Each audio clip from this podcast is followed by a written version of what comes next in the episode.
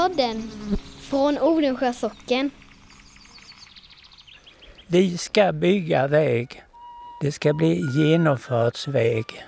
Och Odensjö ska bli en död punkt. En död punkt? Det var det som satte sig i mitt hjärta kan man säga.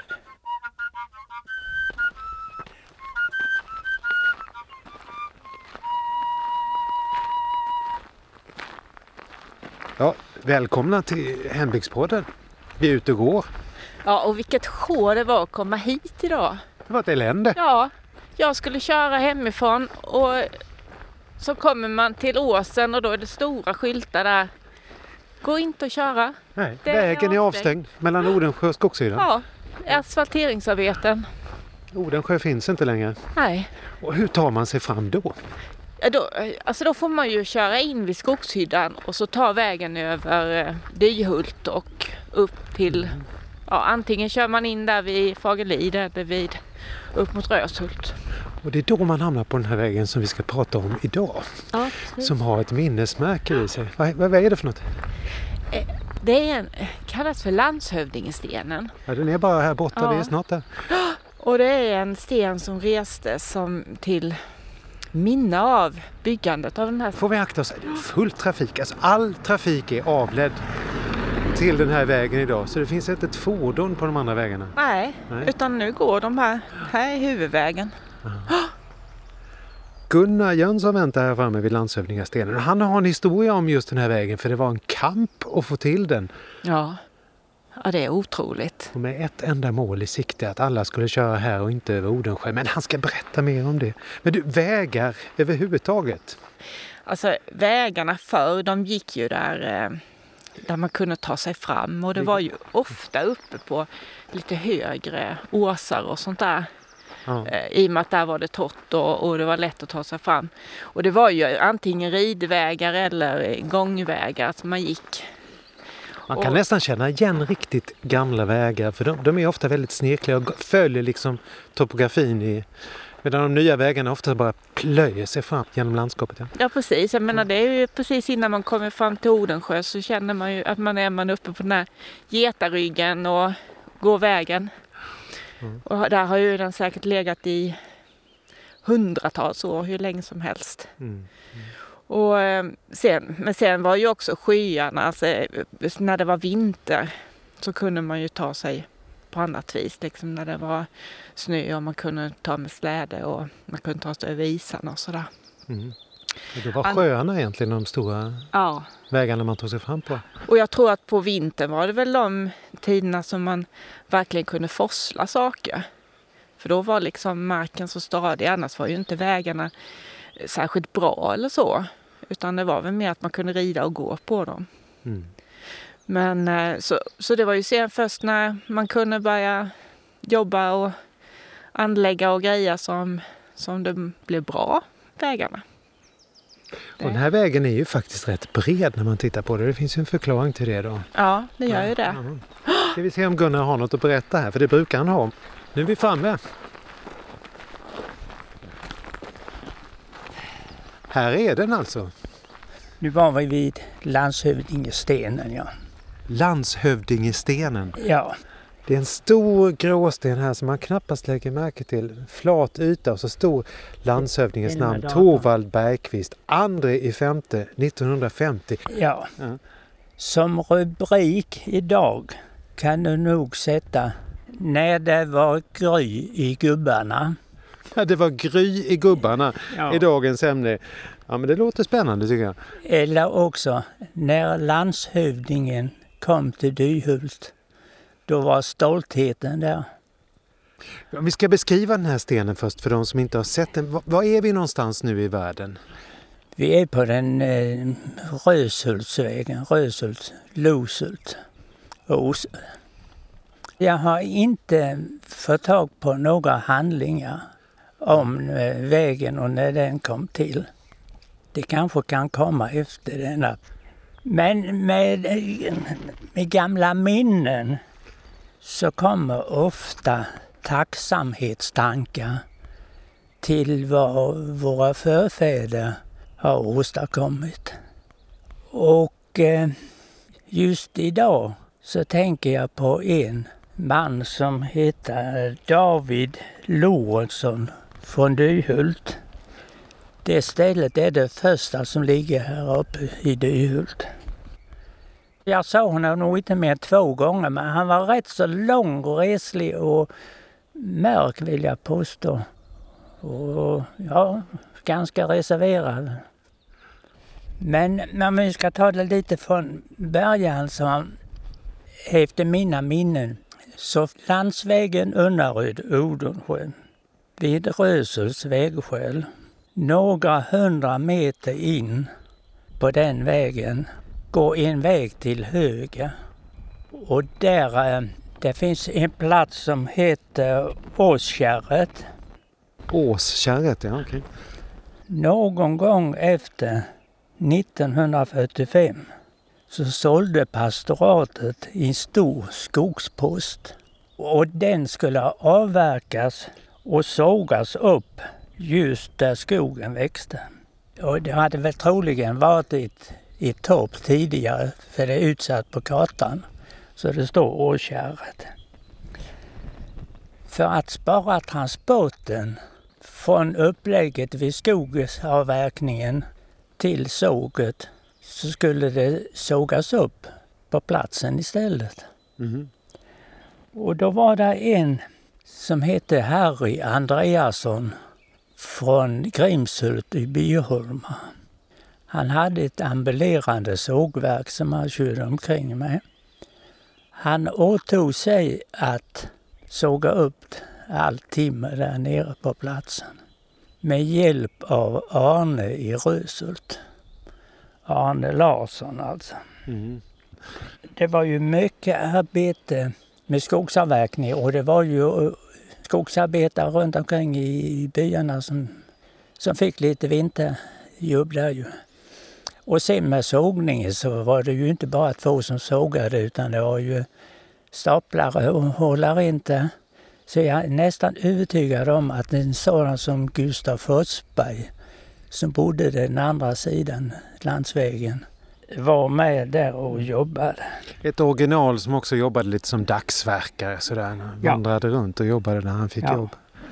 Ja, nu kommer det nästan en historia som inte har mycket med landshövdingastenen att göra. Vi tar den också. Ja, ja. Det var så att Harry, han tröttnade på att cykla från Röshult till Byholma på kvällen och upp tidigt och cykla från Byholma till Röshult. Så han stannade på arbetsplatsen. Han sov hela våren i en sågspånshög där uppe. En sågspånshög? Ja, okej. Okay. Ja, det var ju mjukt och gott och lite värme nerifrån. Harry hade nog gärna fått övernatta uppe hos Arne i Röshult. Men så var det så att Harry var lite förtjust i Arnes syster och eh, troligen vice versa. Men Arnes mor och systerns moder ju, hon var väl inte riktigt så förtjust i Harry. Så Harry han tog det lugnt och han trivdes i sin sågspånshög. Och där vaknade han ju på morgonen till fåglarnas sång. Det var väl hans väckarklocka kanske. Det låter inte så dumt när du beskriver det så. Ja. Om Harry var ensam alla nätter, det är ju ingen som vet. För att eh, damerna, både förr och nu, de har väl aldrig mått illa av en kvällspromenad. Så ingen vet om han var ensam igen.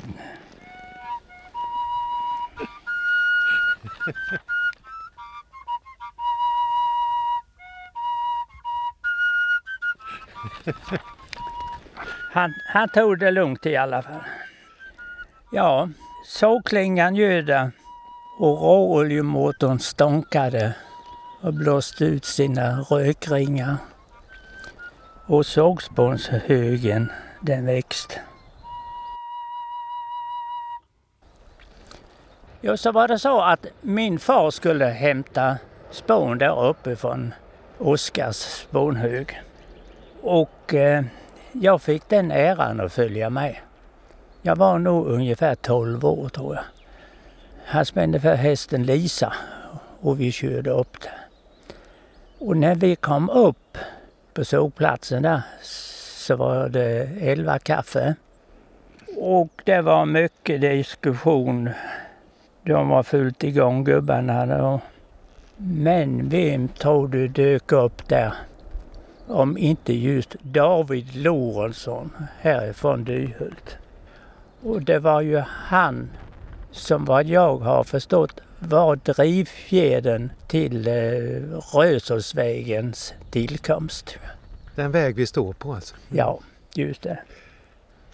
Det blev ju genast diskussion om vägbygget som de hoppades skulle komma till stånd.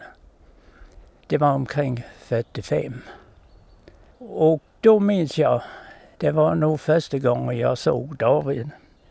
Och då sa han ifrån och det var med besked.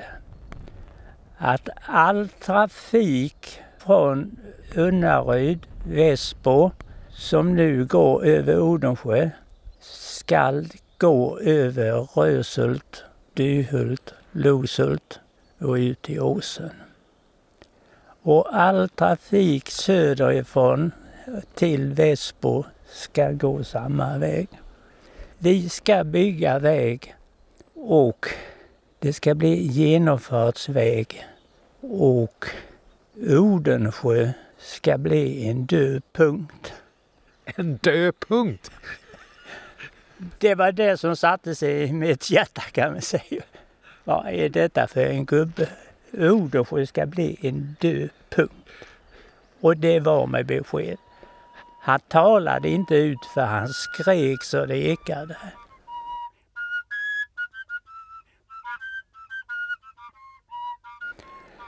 Och inte nog med det för att vägen ska bli en allmän väg, ingen byväg.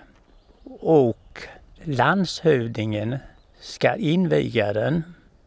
Jag ger mig aldrig förrän han har varit och invigt vägen. Och vi ska resa en minnessten från den dagen. Det gjorde de ju också. Vi har den här till oss. Ja, vi har ju facit här bredvid. Ja. ja.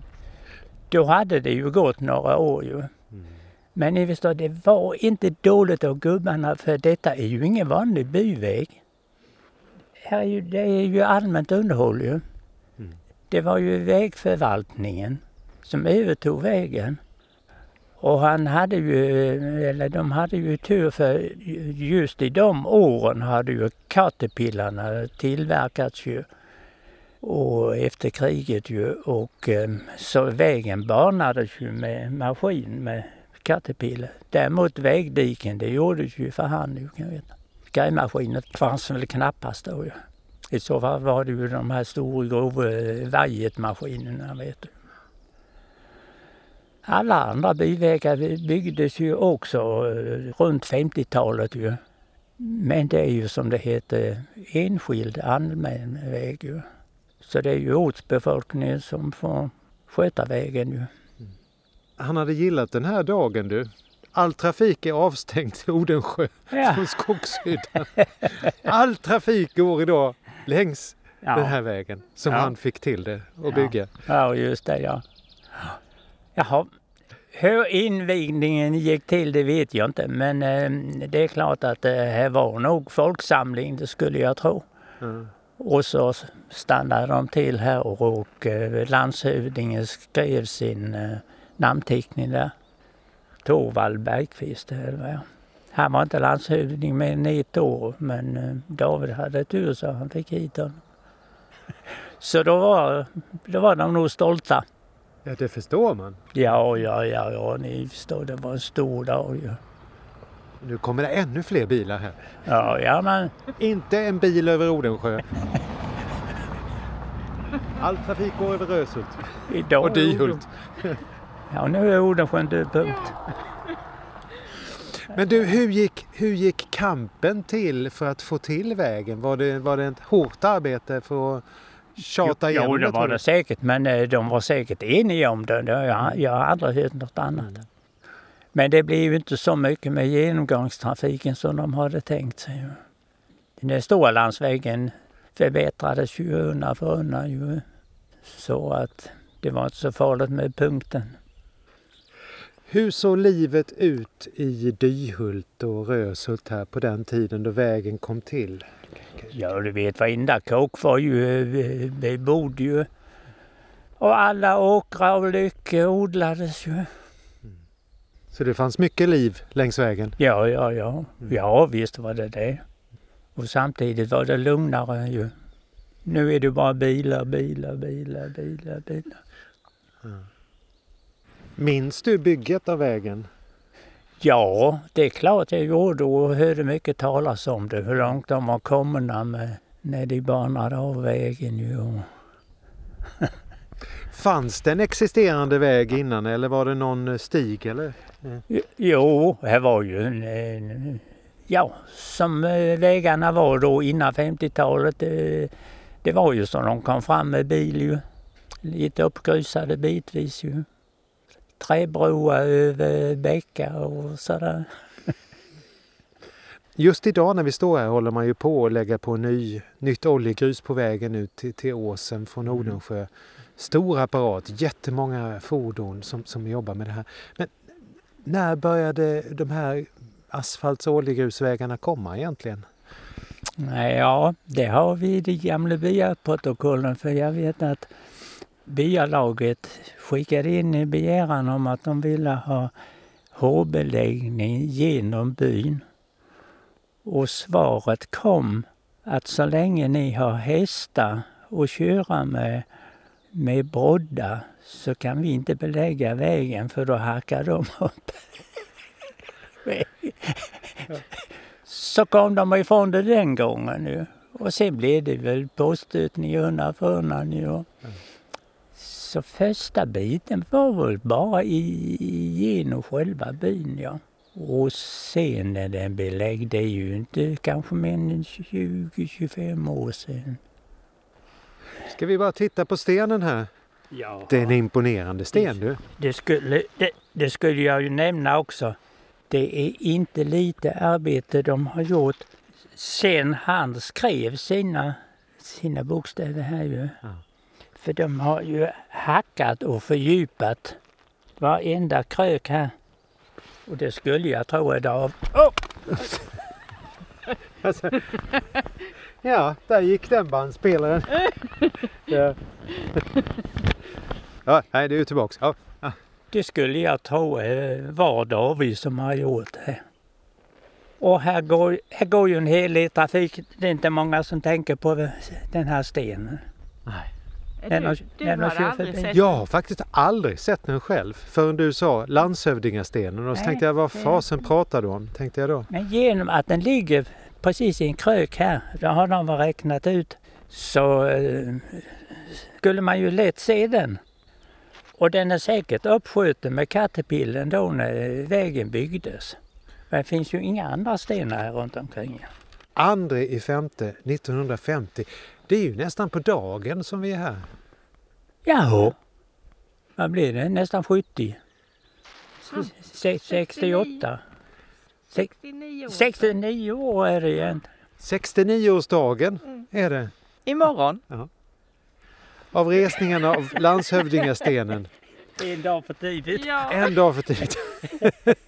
det, hade, det hade David Lorentzon gillat det här tror jag. Vi skulle ju nästan fira detta Ja. Det är inget med oss, nej. Nej. med, med de byborna som är kvar. Ja. Hur gick det för David Lorentzon sen då? Ja, han blev ju till åren, han som alla. Mm. Jag tror inte han hade några egna barn, men däremot hade han två fosterbarn. En pojk, Nisse Falk heter han. Och han övertog ju eh, stället borta och han var en av de första som hade traktor. Det var en eh, omgjord bil, en sån här epatraktor han körde med. Det minns jag att han var lite teknisk och, klur, och klurig. Mm. Och, men han, han gifte sig väl aldrig och, och inga ärvingar så han eh, testamenterade till eh, församlingen. Så hela hans lösöre såldes nere i, eh, vid församlingshemmet i trädgården där. Det var auktion en hel dag. Så där försvann de sista spåren efter David Lorentzon? Ja. ja. På kyrkbacken i Odensjö? Mm. Men han lämnade en sten efter sig? Ja, det gjorde han. Det är fint. Ja, jag tänker på det här med minnesstenar överhuvudtaget eller minnesmärken mm. vid vägar.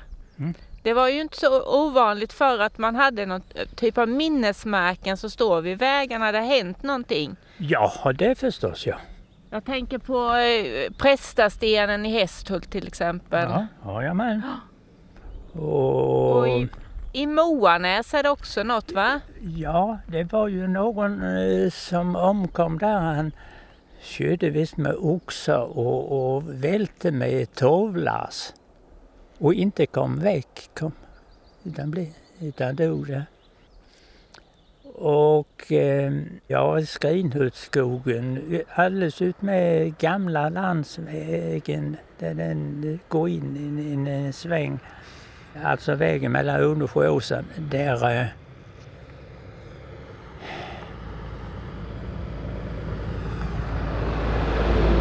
Ja, full trafik.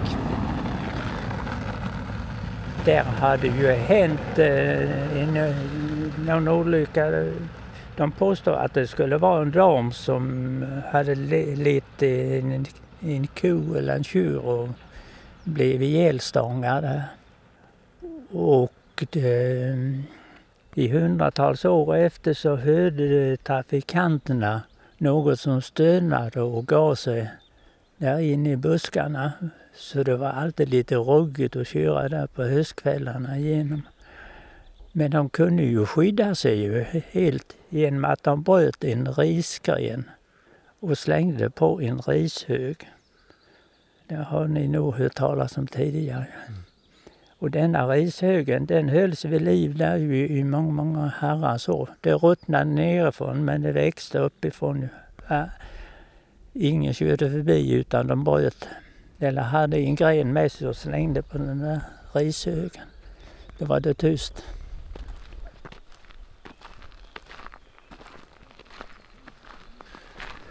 Ja, har ni vägarna förbi nu och åker mellan Dyhult och Röshult så missa nu inte att stanna vid den här landshövdingastenen. Så kan ni ägna en tanke åt de som fick den här vägen byggd och reste stenen. Och tänka lite grann på småländsk envishet. För det är ett bra symbol för det kanske, kan man säga. Till nästa år är det ju 70 år. Ja. Då kanske vi blir bjudna hit av Dyhultsboarna och fira lite grann här ju. Ja, undrar de borde ju ha kalas här då. Vem vet om de är på betet. det är 70 år.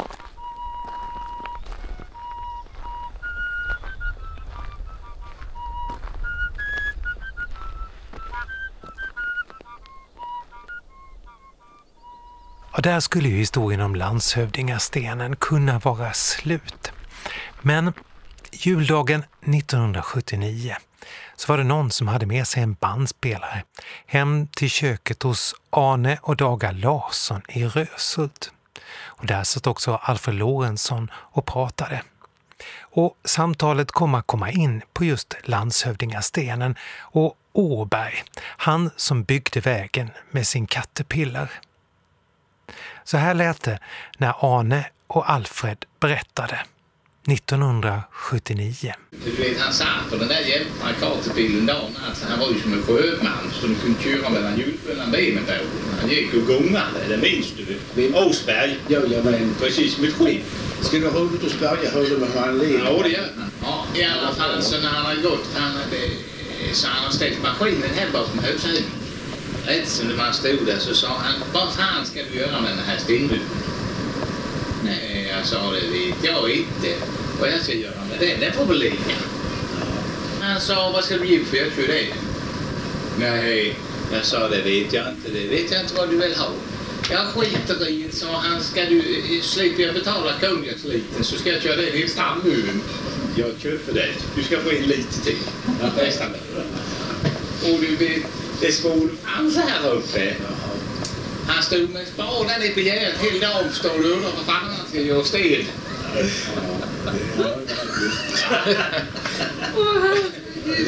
Ja, till sist dagen efter så var hans den köpt förstår du. Då passade han på Åsberg. Den här stora skopan var ju fyra meter bred förstår du. Han tog stimmen på några gånger och tippade ner det. Ja. Ställde stimmen på upp den på 20 minuter. Han fick en lite till sen. Det var rätt billigt. Jag vet inte vad lite han kostade på 1950. Jag tror inte det var men en 8-9 kronor eller något. ja, det gick fint. Men han, han var förbannad länge. Han sa du ska ta den där stenen. Jag var där ute och lantade i, i vår skog när Rosberg var där.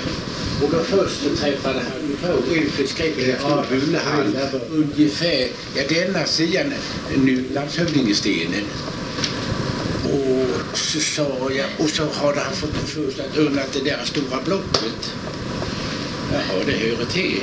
Eh, krydda som måste tillföras kroppen varje dag. Ja, det gör du rätt i. Det är därför du är så pigg. Jo, för... Jo, för han vred de där stora stenarna ungefär 50 meter ifrån där jag nu.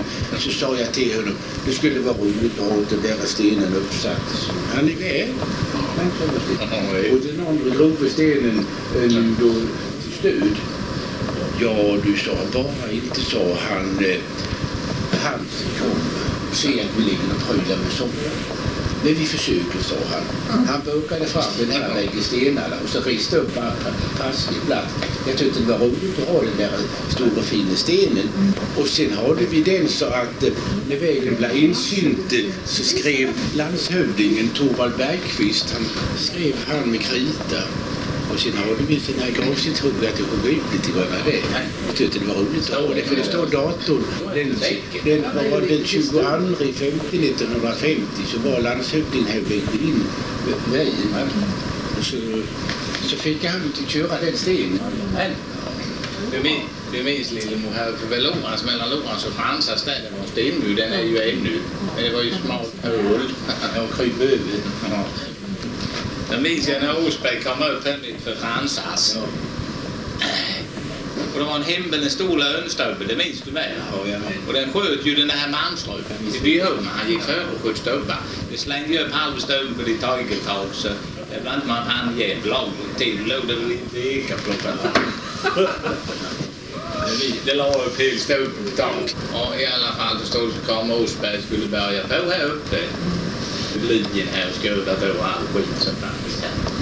Så han kom inför Fransas så ställde han maskinen där så gick han bort där och tittade. Vad ska jag göra stenmuren här? Stenarna? Nej, det var det ingen som visste riktigt vad han skulle göra av det. Rätt som var så går, kommer han tillbaka och sätter sig upp maskinen förstår Och mycket Fransar lukte förstår du, började han att grava.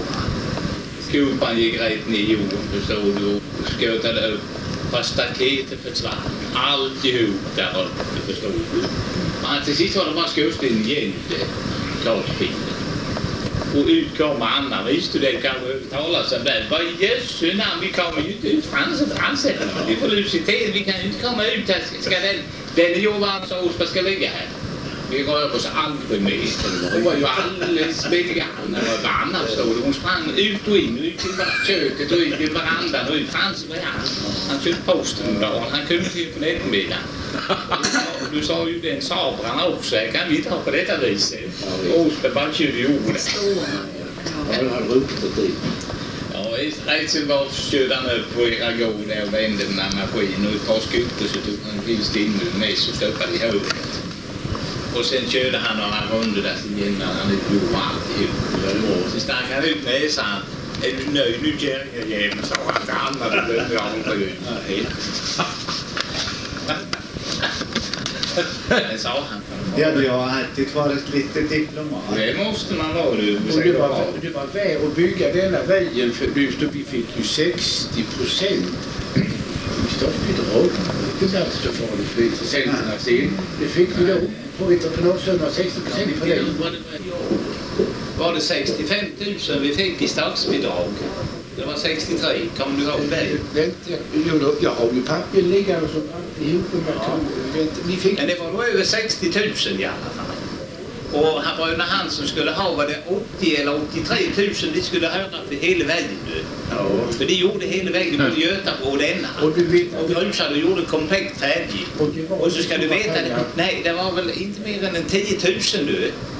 Till att dela ut på 32 stycken. Ja. Var den till Nella för? Vi la den högsta procenten. Det var inte stora pengar. Det var 3 000. Nej, jag har för mig det var en tusen eller 1500 jag fick lägga. Och det var ju inte möjligt. Nej, visst. Nej. Men Dan Plöjer, han var inte dum med. Dumma, han var bra för han reste många gånger till Växjö till hans och handen var han lite...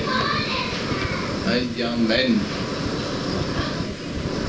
Jajamän, där står du.